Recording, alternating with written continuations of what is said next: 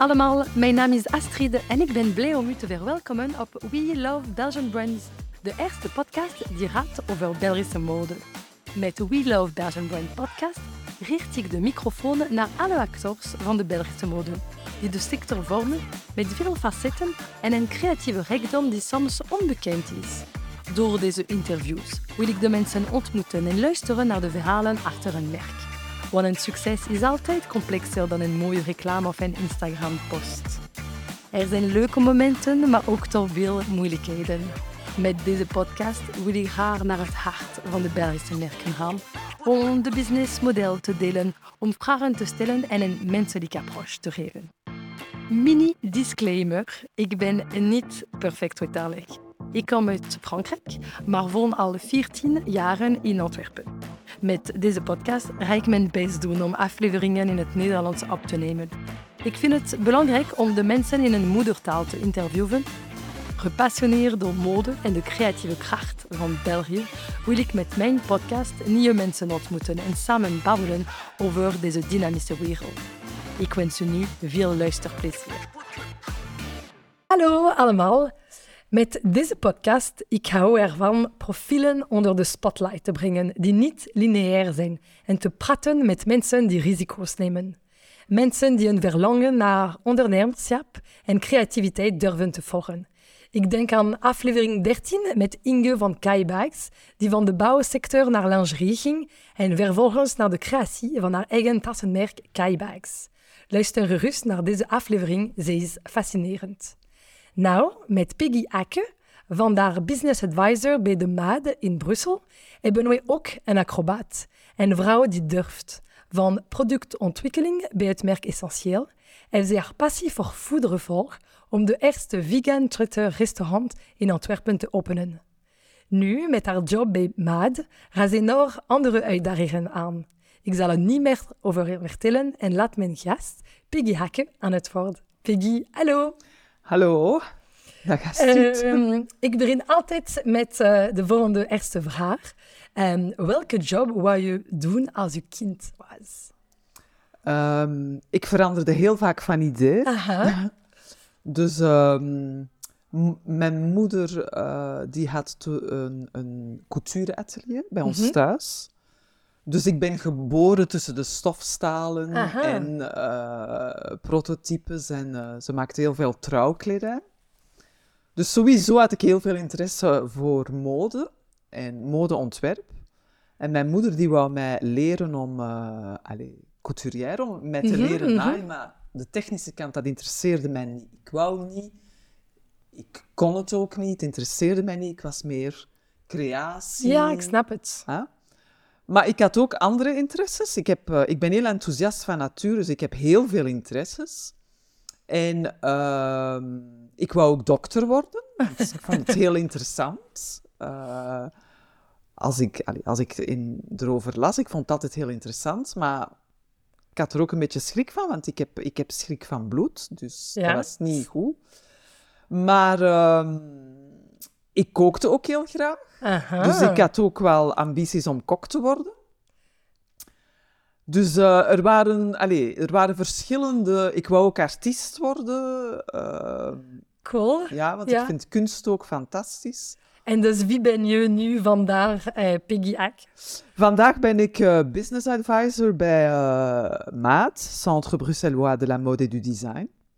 En uh, ik help vooral uh, heel veel jonge mensen, starters of mensen die al uh, gedurende een tijd een zaak hebben in, in mode of design, help ik hun met na te denken over ofwel hun businessplan, Mm -hmm.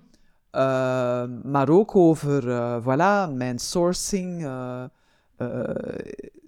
hoe ik nu produceer, dat is, niet, dat is financieel niet haalbaar. Ik help hen ook met na te denken over hoe zij problemen kunnen oplossen waar zij dagelijks mee geconfronteerd worden. Fantastisch. Dus so soms ben ik mentor, maar soms ook gewoon sparring partner. Ja. Omdat uh, heel vaak, uh, in Brussel hebben we heel veel heel kleine bedrijven. En ik merk wel dat in, in de, heel veel entrepreneurs zich heel geïsoleerd en heel eenzaam Mm. voelen Mm. in hun onderneming. Top. En wat is uw parcours? Wat heb je voor MAD uh, gedaan? Kan je een beetje meer Uh, Over ik denk dat ik een, een heel eh, atypisch parcours heb. Eh, I love it. Atypisch. ja. dus ik ben Generation X, Mhm. een heel, specia allee, heel speciale generatie. Niet, daarom niet meer speciaal als de generaties van vandaag. Maar wij waren wel de generatie van eh, party hard, work hard. True. Dus ik heb eh, heel veel party gedaan. Eh, ik ben ook DJ geweest. Eh, eh, ik ben heel obsessief met muziek bezig geweest. En ik zal zeggen dat ik eigenlijk tot, ik denk, mijn 28ste... Toen ging ik eigenlijk gewoon in restaurants gaan werken, omdat uitgaan en eh, in ja, de Café d'Anvers, dat was spectaculair in, in, in die tijd. Dat was veel belangrijker als de rest van het leven. Dus eigenlijk had je... ah, Ik had een job om te kunnen uitgaan Ja. en dat was eigenlijk... Ja, ik zat helemaal in die music scene. Ik was daar heel hard mee bezig. Maar dan op mijn... Ik denk rond mijn 28e heb ik toch wel een soort van eh, bewustwording gehad van... Oké, this is not gonna last. The party's over. En dan ehm, heb ik gewoon eh, geprobeerd eh, via vrienden om toch te leren werken. Want ik, ja, eh, ik kon niet werken met een computer. Ik wist niet... eh, ah, Word, Excel geleerd. En via de mensen die ik in het nachtleven had tegengekomen in de restaurants waar ik werkte, ben ik eh, Anne en Philippe van Ai van de Vorst tegengekomen. Ondertussen, tijdens die wilde jaren, heb ik ook vaak voor Anvers in de tijd, Anvers, Ah. eh, Anvers, eh, Simple Anvers, ben ik showroommodel geweest. Dus Mhm. ik wist al, ik had ervaring in hoe een showroom werkte, hoe Mhm. een verkoop wordt Mhm. gedaan.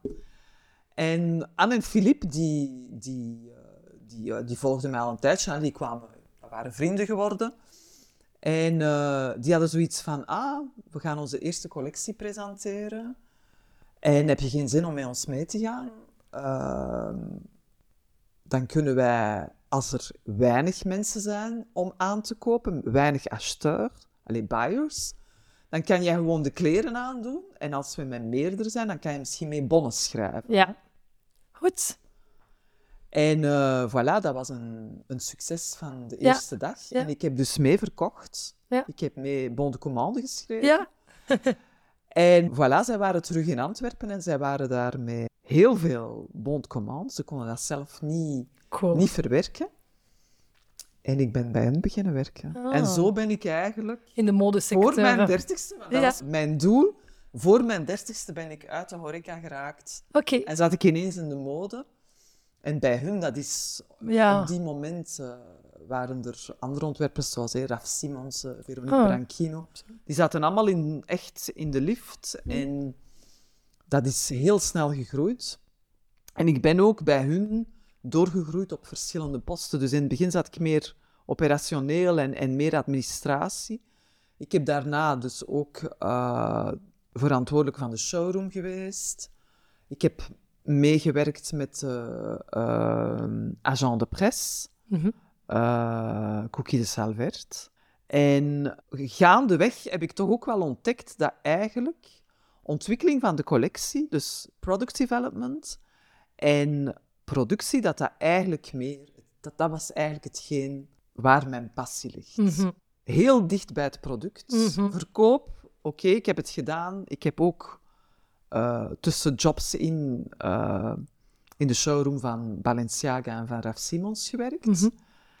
Maar de product development, dat is echt Uw ding. mijn, mijn passie. Top. Want En dus- ja, dan werk je heel dicht tegen het product. Allee, je, je, werkt, je werkt eigenlijk Ja, tussen ja. creatie Hm. en ontwikkeling van het product en dat is fascinerend. En dus dat heb je kunnen doen bij Essentiel. Ja. En dan... Maar ik heb ook ondertussen, dus, want bij IVE eh, heb ik zeven jaar gewerkt. Hmm. En dan 9-11. Ja, ja. En dus op dat moment, eh, voor 9-11, was Amerika voor, denk, voor heel veel merken een heel grote markt. Ik denk dat wij in Amerika 40% omzet hadden. Dat is heel, heel veel. Dus voilà, 9-11 is eh, eh, heel hard geweest voor heel veel ontwerpers. Hmm. En ehm, voilà, dat heeft mij dan andere mogelijkheden gegeven. Ik ben Ja. dan bij Veronique Branchino beginnen werken als eh, creatief assistent. Oké. Dat was heel interessant en heel leuk om te doen, maar ik had niet de skills, vond ik, om eigenlijk aan haar verwachtingen te beantwoorden. Want ook al bijvoorbeeld Veronique Branchino ja, en, en Ai van der Vorst, dat zijn echt createurs die van Ja, ja, ja. nul vertrekken. Die, die doen echt design. En om een assistent te kunnen zijn, moet jij ook kunnen meetekenen Ah, ja, en, en het. ontwerpen. En dat is toch wel... Dat is, ah, dat is een métier, hè. Ah, tuurlijk. Dus, eh, en dan eh, ben ik weggegaan bij Veronique en dan ben ik teruggegaan naar Ai van de Vorst, waar ik op de lingerie ben beginnen werken. Mm. Dat was een heel plezant eh, eh, interludium eigenlijk. Want lingerie is, eh, het is mode, maar het is geen mode. Ik weet niet of dat je ooit op eh, La Foire de la Lingerie bent geweest. Nee, in- nog in- nooit. In, in, Lyon en in Parijs. Maar heel specifiek, dat heel specifiek, Ja, ja, dat is een- Het is een een heel- andere wereld. hè. Een heel andere wereld, want je Mhm. hebt daar een mengeling tussen swimwear, maar ook, ook corsetterie, dus voor ja, ja, mensen met, met problemen. Ja, ja, ja. En, of met vrouwen met heel grote borsten die daar echt corsetterie nodig hebben. En ook sekslingerie, Ja, dus dat is tuurlijk. een melange. Ouais, ouais. Heel bizar. Ehm, maar het is heel... Allee, lingerie, het is heel moeilijk omdat... eh allee, eh soutien-gorge, dat is een heel moeilijk... Dat is het moeilijkste product, Ja, dat er ik heb dat al gehoord. Technisch. Technisch gezien Ja. En vooral voor minimums, dus dat was eigenlijk voor Ai van de Vorst ook geen eh, haalbaar product. Ouais, absoluut. Dus dan zei zij er eigenlijk, ik voelde wel dat die er wou mee stoppen. En dan ben ik eh, gaan solliciteren bij Levi's. Ik had nooit voor een corporate business gewerkt. En dat was dan weer een andere ervaring. Ja. Dus ik ben bij Levi's gaan werken op de department van, development department van de 501. Cool. Ja, dat was heel cool, was heel Spannend. leuk. Dat was voor mij ook mijn eerste ervaring echt in de corporate world. Ja.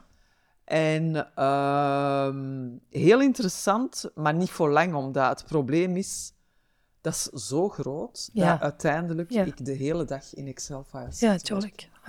En na bij, twee jaar en een half, bijna drie jaar, Ja. was ik dat kotsbeu. Ja, absoluut. En er is geen creativiteit, En het probleem is dat op dat moment, want er was wel, met mijn manager heb, heb ik daar heel veel over gepraat toen, en er was wel intentie om mij te laten doorgroeien echt naar eh, een echte developer role, waar je gaat werken op de finishings. En dat was ook hetgeen wat Ja. mij het meest boeide, dat is de finishings en. Ja, en de métier van, eh, van allez, Ja, denim. Zeker met een, pro- een iconisch product zoals de 501. Maar eh, er waren toen ook al vanuit, van Amerika uit, dus van de, de headquarters in, in San Francisco, waren er dus ook ehm, plannen om de Europe Hub te sluiten. Dus ik wist ook dat het verhaal in Brussel ging eindigen. En ofwel was, dat, ehm, ofwel was het dan eh, verhuizen naar Chorlu, Turkey, waar ze een heel groot eh, eigen plant hebben. En waar ze eigenlijk hele development for Europe wouden plaatsen. Dus dat waren de toekomstplannen.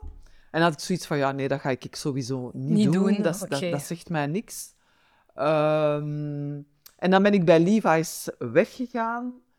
En ehm, dan ben ik eh, uiteindelijk bij Essentiel beland. Oké. En van Essentieel, dus Essentieel was productontwikkeling, ook een grote ervaring bij u. Ja, En dan naar Vegan Twitter Restaurant in Antwerpen. Daar wil Ja. ik meer over weten. Ja, wel, dus ehm, ik ben op een bepaald moment, toen ik bij Essentiel werkte, ben ik heel ziek geworden. En aan de basis daarvan was dus eigenlijk eh, voedselallergieën. Waardoor dat, eh, door het niet respecteren van de voedselallergieën, Mm. eh, dus meer precies was dat lactoseallergie. Eh, voilà, ehm, mijn, mijn darmen die waren foutu. Mm. Ehm, en ik heb daar toch wel even over gedaan om, om terug mijn lichaam, Ja. mijn, mijn weerstand op te bouwen. En vooral, voor mij was dat zoiets van, eh, zoals denk ik heel veel mensen hebben, van, maar wat ga ik eten? Mm. Als je ineens geen... Ik ben Ja, ja. iemand, veel kaas, veel yoghurt. Ja. Ehm, En omdat ik heel graag kookte, is er dus voor mij een nieuwe wereld opengegaan. Cool. Veganisme. Hm. En ik ben daarmee beginnen experimenteren, maar in Antwerpen bestond er niks. Nee. En dus voilà, na mijn afwezigheid was er eigenlijk geen plaats meer voor mij in het bedrijf als ik dan terug ben gekomen. En eh, toen dacht ik zo, dan ga ik mijn eigen... Want, allee, vermits dat dat er niet was, ik had al gezien van, ja, want ik, ik, ik vond nergens vegan, echt. Nee, nee, het is In, dat was in 2014, 2015. Er was niks. Dus dan, voilà, Nee. dat was zo van, ah, oké. Er is Allee, iets te doen. Dat geeft ja. wel mogelijkheden. Hè, dat opent Cool. perspectief. En hoe lang was het? Hoe lang was het open? Noemt La Carrotterie. Ja, dus ik heb eh carrotterie aanvankelijk... Allee, dat noemde eigenlijk Carrotterie. 2000, Aha, Ah. oké. carrotterie 2000. Ik ben daarmee begonnen in oktober 2015. Mhm. En ik heb het gesloten in januari 2019. Oké. En het, eh, voilà, ik heb daar eh, heel veel lessen uit geleerd, Ja, uit die kan- ervaring. Dat kan me inbeelden. Dat was Ja. mijn, mijn volgende vraag. Welke lessen trek je uit je verschillende ervaringen? Wel ja, ik heb dus zoals ik nu, ik heb ook een business model Canva ingevuld, Ja. ik heb een businessplan gemaakt. En voilà, de fout die ik heb gemaakt is, ik heb geen, ehm, als ik nu in retrospect Ja, kijk van, als ik nu opnieuw zou beginnen, wat zou ik meer aandacht aan besteden? super interessant. Dat is sowieso aan de benchmark van producten die echt van dezelfde kwaliteit zijn. Dat hoeft daarom niet vegan te zijn, maar wel omdat ik maakte, ik maakte alles from scratch. Dus alles was huisgemaakt, dagvers.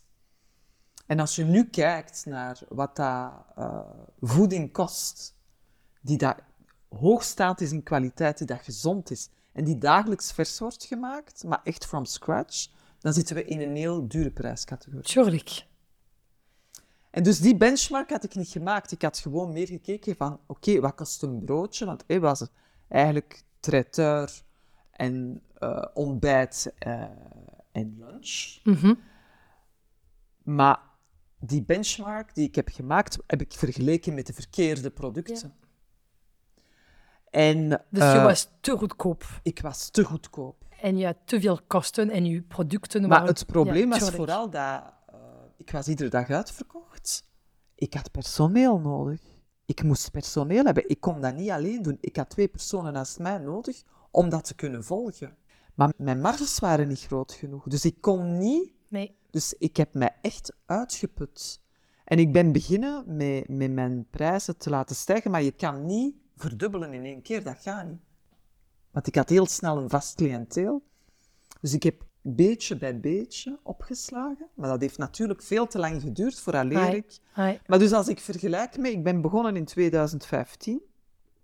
En ik denk twee jaar later waren mijn prijzen meer dan het dubbel. Oké. En ik heb denk ik één klant verloren. Ja. Maar voor de rest, ja, de mensen zeggen soms, ja, maar ik vind eigenlijk duur. Ja, ik vind duur. Maar de andere dag waren die daar terug. Hè. Ja. Ja, ja. En, en toen ik heb echt heb besloten om ermee te stoppen, dat was een drama hè, voor mijn klant. Dat was echt, echt een drama. Hè. Nee. Ja, ja, absoluut. Dat was een, echt een topadres. Dus voor mij is eh, Mm. price setting en echt heel goed uitrekenen. Hè, want ook de marges, dat is ook zoiets. De ene gebruikt die marge, maar ik heb mijn marges vergeleken met horeca-businesses die dat gewoon naar de groothandel Ja, gaan. tuurlijk. En die in gro- alles voorgemaakt kopen in het groot. Dus ik heb echt niet goed... Ik heb echt niet Ja. appelen met appelen Ja, vergeleken. ja, voilà. En dat is, een heel, dat is echt een heel grote fout geweest. Dus voor mij, nu in mijn coachings, is Ja, ik het... kan me. Oeh, is fantastisch is dat. pricing is voor mij iets waar dat ik echt wel heel veel tijd aan besteed. En vooral omdat, omdat het, bij mij was het ook het, een beetje van... Allee, een boterham 12 euro. Dat ik dacht, maar we- het is toch veel geld, hè? Het is toch veel geld. Maar uiteindelijk... Je moet het zien als een lunch. En een lunch in een restaurant is Maar nooit minder die- dan de 15 mensen, euro. allee, de mensen die daar bij mij kwamen, dat waren echt wel mensen die dat soort product Ja, zochten absoluut. en het niet vonden. En Absoluut. die zoiets van, voilà, ik heb geen tijd om een uur vroeger op Nee. te staan om dit allemaal klaar te maken, maar ik wil dit eten. Ja. En oké, ja, Ja. het is duur, ja. Het is maar- duur, ja. Maar kost het, ja. Ja, ja, ja. En een lunch kost sowieso voel ook 15 mensen die euro. zeggen, ik voel mij er beter bij. Ja, fantastisch. Dus ehm, dat was toch wel iets dat, Ah, ja. dat ik nu... Allee, wat, wat wat dat nu heel veel waarde heeft in mijn job nu, is dat ik die ervaring heb gehad. Fantastisch, tuurlijk. En kun je een beetje nog meer zeggen over uh, MAD en je job en wat je doet elke dag voor die jonge designers? Wel, ik doe dus, voilà, ik organiseer alle business events Mhm. en alle talks. Wij hebben verschillende keren per jaar een, een session starter, waar dat we dus alle mensen die... We doen dat in een collectieve sessie om zoveel mogelijk, omdat er mensen zijn die gewoon nieuwsgierig zijn, even willen komen luisteren, Mhm. maar niet klaar zijn. En dan, eh, dus na die eh startersessie kunnen die in een persoonlijk eh, coachingstraject komen. En dat is dan, als je in Brussel eh, hoofdstedelijk gewest woont, heb je recht op 10 uur coaching met mij. Cool. En dan ga ik dus kijken van, voilà, eh, waar staan ze? Wat hebben ze al gedaan? Hebben ze al een business model Canva ingevuld? Of zijn ze al in het stadium verder? En dan zien van, oké, proberen te zien van, wat hebben ze nu echt nodig? En zoveel mogelijk te helpen met de, de prioriteiten eigenlijk die moeten, eh, waar, waar actie moet genomen worden. hè. Soms is dat bijvoorbeeld iemand... Allee, ik heb ook soms gesprekken met mensen die bijvoorbeeld een kleine business hebben. Ik heb een heel eh, begin dat ik eh, bij Maat werkte, een heel interessant gesprek gehad met iemand die dacht van, ik moet in Portugal gaan produceren. Iemand die alles lokaal maakte, maar uiteindelijk aan het eind van het gesprek was de conclusie van, ik kan beter het kleinschalig houden in Brussel dan met 600 stuks in stok te zitten en niet weten of die je verkocht gaat krijgen, want uiteindelijk zit ik met een heel persoonlijk product offer, waar dat ik eigenlijk, voordat de solden beginnen, al 80% van verkocht heb. Allee, soms is het Ja, ja, ja. gewoon dat je ziet van. Eigenlijk het businessplan wat je nu hebt, ook, allee, je moet ook kijken naar wat zijn je prioriteiten in je privéleven. Absoluut. Ja, ja. Dat was ook exact mijn vraag. Wat zijn voor u nu de uitdagingen voor de jonge Belgische designers? Maar ik denk dat vooral nog altijd, ook al is dat aan het, ik denk dat, dat dat is aan het veranderen, maar het is nog altijd heel moeilijk. Dat is dat wij leven met fast fashion. Mhm. Dat is heel, eh, vooral voor de jonge generatie. Die jonge generatie die is geboren terwijl dat er al H&M was Ja. en er was al KOS. Dus voor hen, voor de, de perceptie van prijzen bij jonge klanten en bij jonge eh, ontwerpers en vooral jonge entrepreneurs, is die perceptie, die is fout. Want, allee, veel mensen denken dat als je in het begin van het seizoen naar KOS gaat, dan kost een jas 150 euro. Aan min 70 heb je die misschien aan 50 euro. Maar dat Ja. is niet de waarde van de dingen. nee, nee, absoluut niet. En dat is een heel groot probleem Hmm. bij heel veel jonge mensen. eh, dat, dat daar geen besef is van ehm, de waarde van de dingen, van, ook van eh, een jas die dat gemaakt wordt in België. Bijvoorbeeld als je... We hebben, een, Tuurlijk. we hebben een heel goede jassenfabrikant in België, van Bokrijk. Maar een jas die dat heel goed gemaakt is, met een correct patroon, hè, met een goede constructie. Mhm. Het maakloon van zo'n jas, dat is 150 euro. Dat is de realiteit. Ja, ja, absoluut.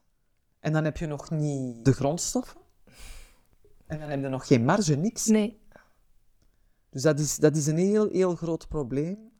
Ehm, nu, natuurlijk, ik denk ook dat het gegeven van shopping, hè, van ik ga naar eh, de high street en ik ga daar alle winkels, eh, H&M, COS, eh, Arket, eh, wat is dat allemaal, Mhm. En ik ga gewoon gaan shoppen. En voilà, ik heb voor 200 euro vier zakken. Ik denk dat die tijden ook wel voorbij zijn. Ja, dat denk ik ook. Of, of anders is daar gewoon twee verschillende eh, klanten, twee Ja. verschillende profielen. Je Ja. gaat altijd mensen die willen de laagste prijs willen, die willen geen geld uitgeven aan kledij. Dat gaat altijd gebeuren en ze hebben recht. En, en why not? Maar je hebt ook mensen, en ik geloof het wel, het is meer en meer mensen die zijn bereid om een mooie product en een Belgische eh, merk, eh, iets die in, in, in Europa geproduceerd is, Ja. daar geloof ik wel dat er is Ja, iets... en dat eh, zie, allee, ik, ik zit ook dikwijls zo een keer te kijken op Vinted. Mhm, mhm, absoluut. Eh, ik ben iemand, ik heb altijd graag zo... eh, Vintage, eh. vintage ge- ge- dus ik kijk, allee, ik, heb, ik ben ook... eh allee, kledij, dat is altijd een passie geweest. Ik ben er altijd heel veel mee bezig geweest. Dus... ehm, En je ziet heel goed op Vinted ook dat uh, van het moment dat we, dat we een, een, een hoger prijssegment Mhm. hebben, dat ook op Vinted, dat die kledij, schoenen, accessoires, dat die ook toch wel wat meer hun waarde bewaren. Mm. Maar alles wat dat fast fashion is, dat is 1 euro, 2 euro, 3 euro.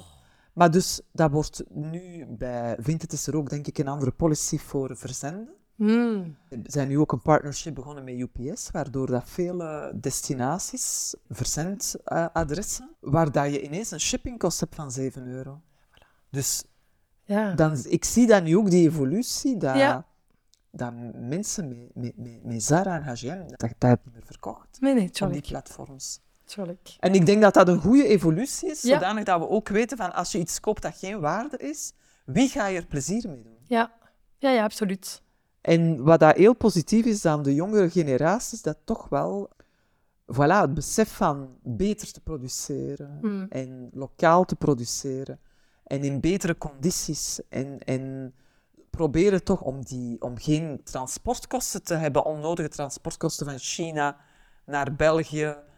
Ze zijn daar meer mee bezig, maar natuurlijk, de klant moet ook volgen, Volgen. en willen, willen ook die juiste keuzes maken en zeggen van oké, ehm, voilà, een nieuwe jas, dat is, Ja, ja. ik denk dat is minimum 400 euro. Absoluut. En dat is een juiste Dat is, prijs. dat is een juiste prijs. En dan nog, voilà, wil je echt een jas.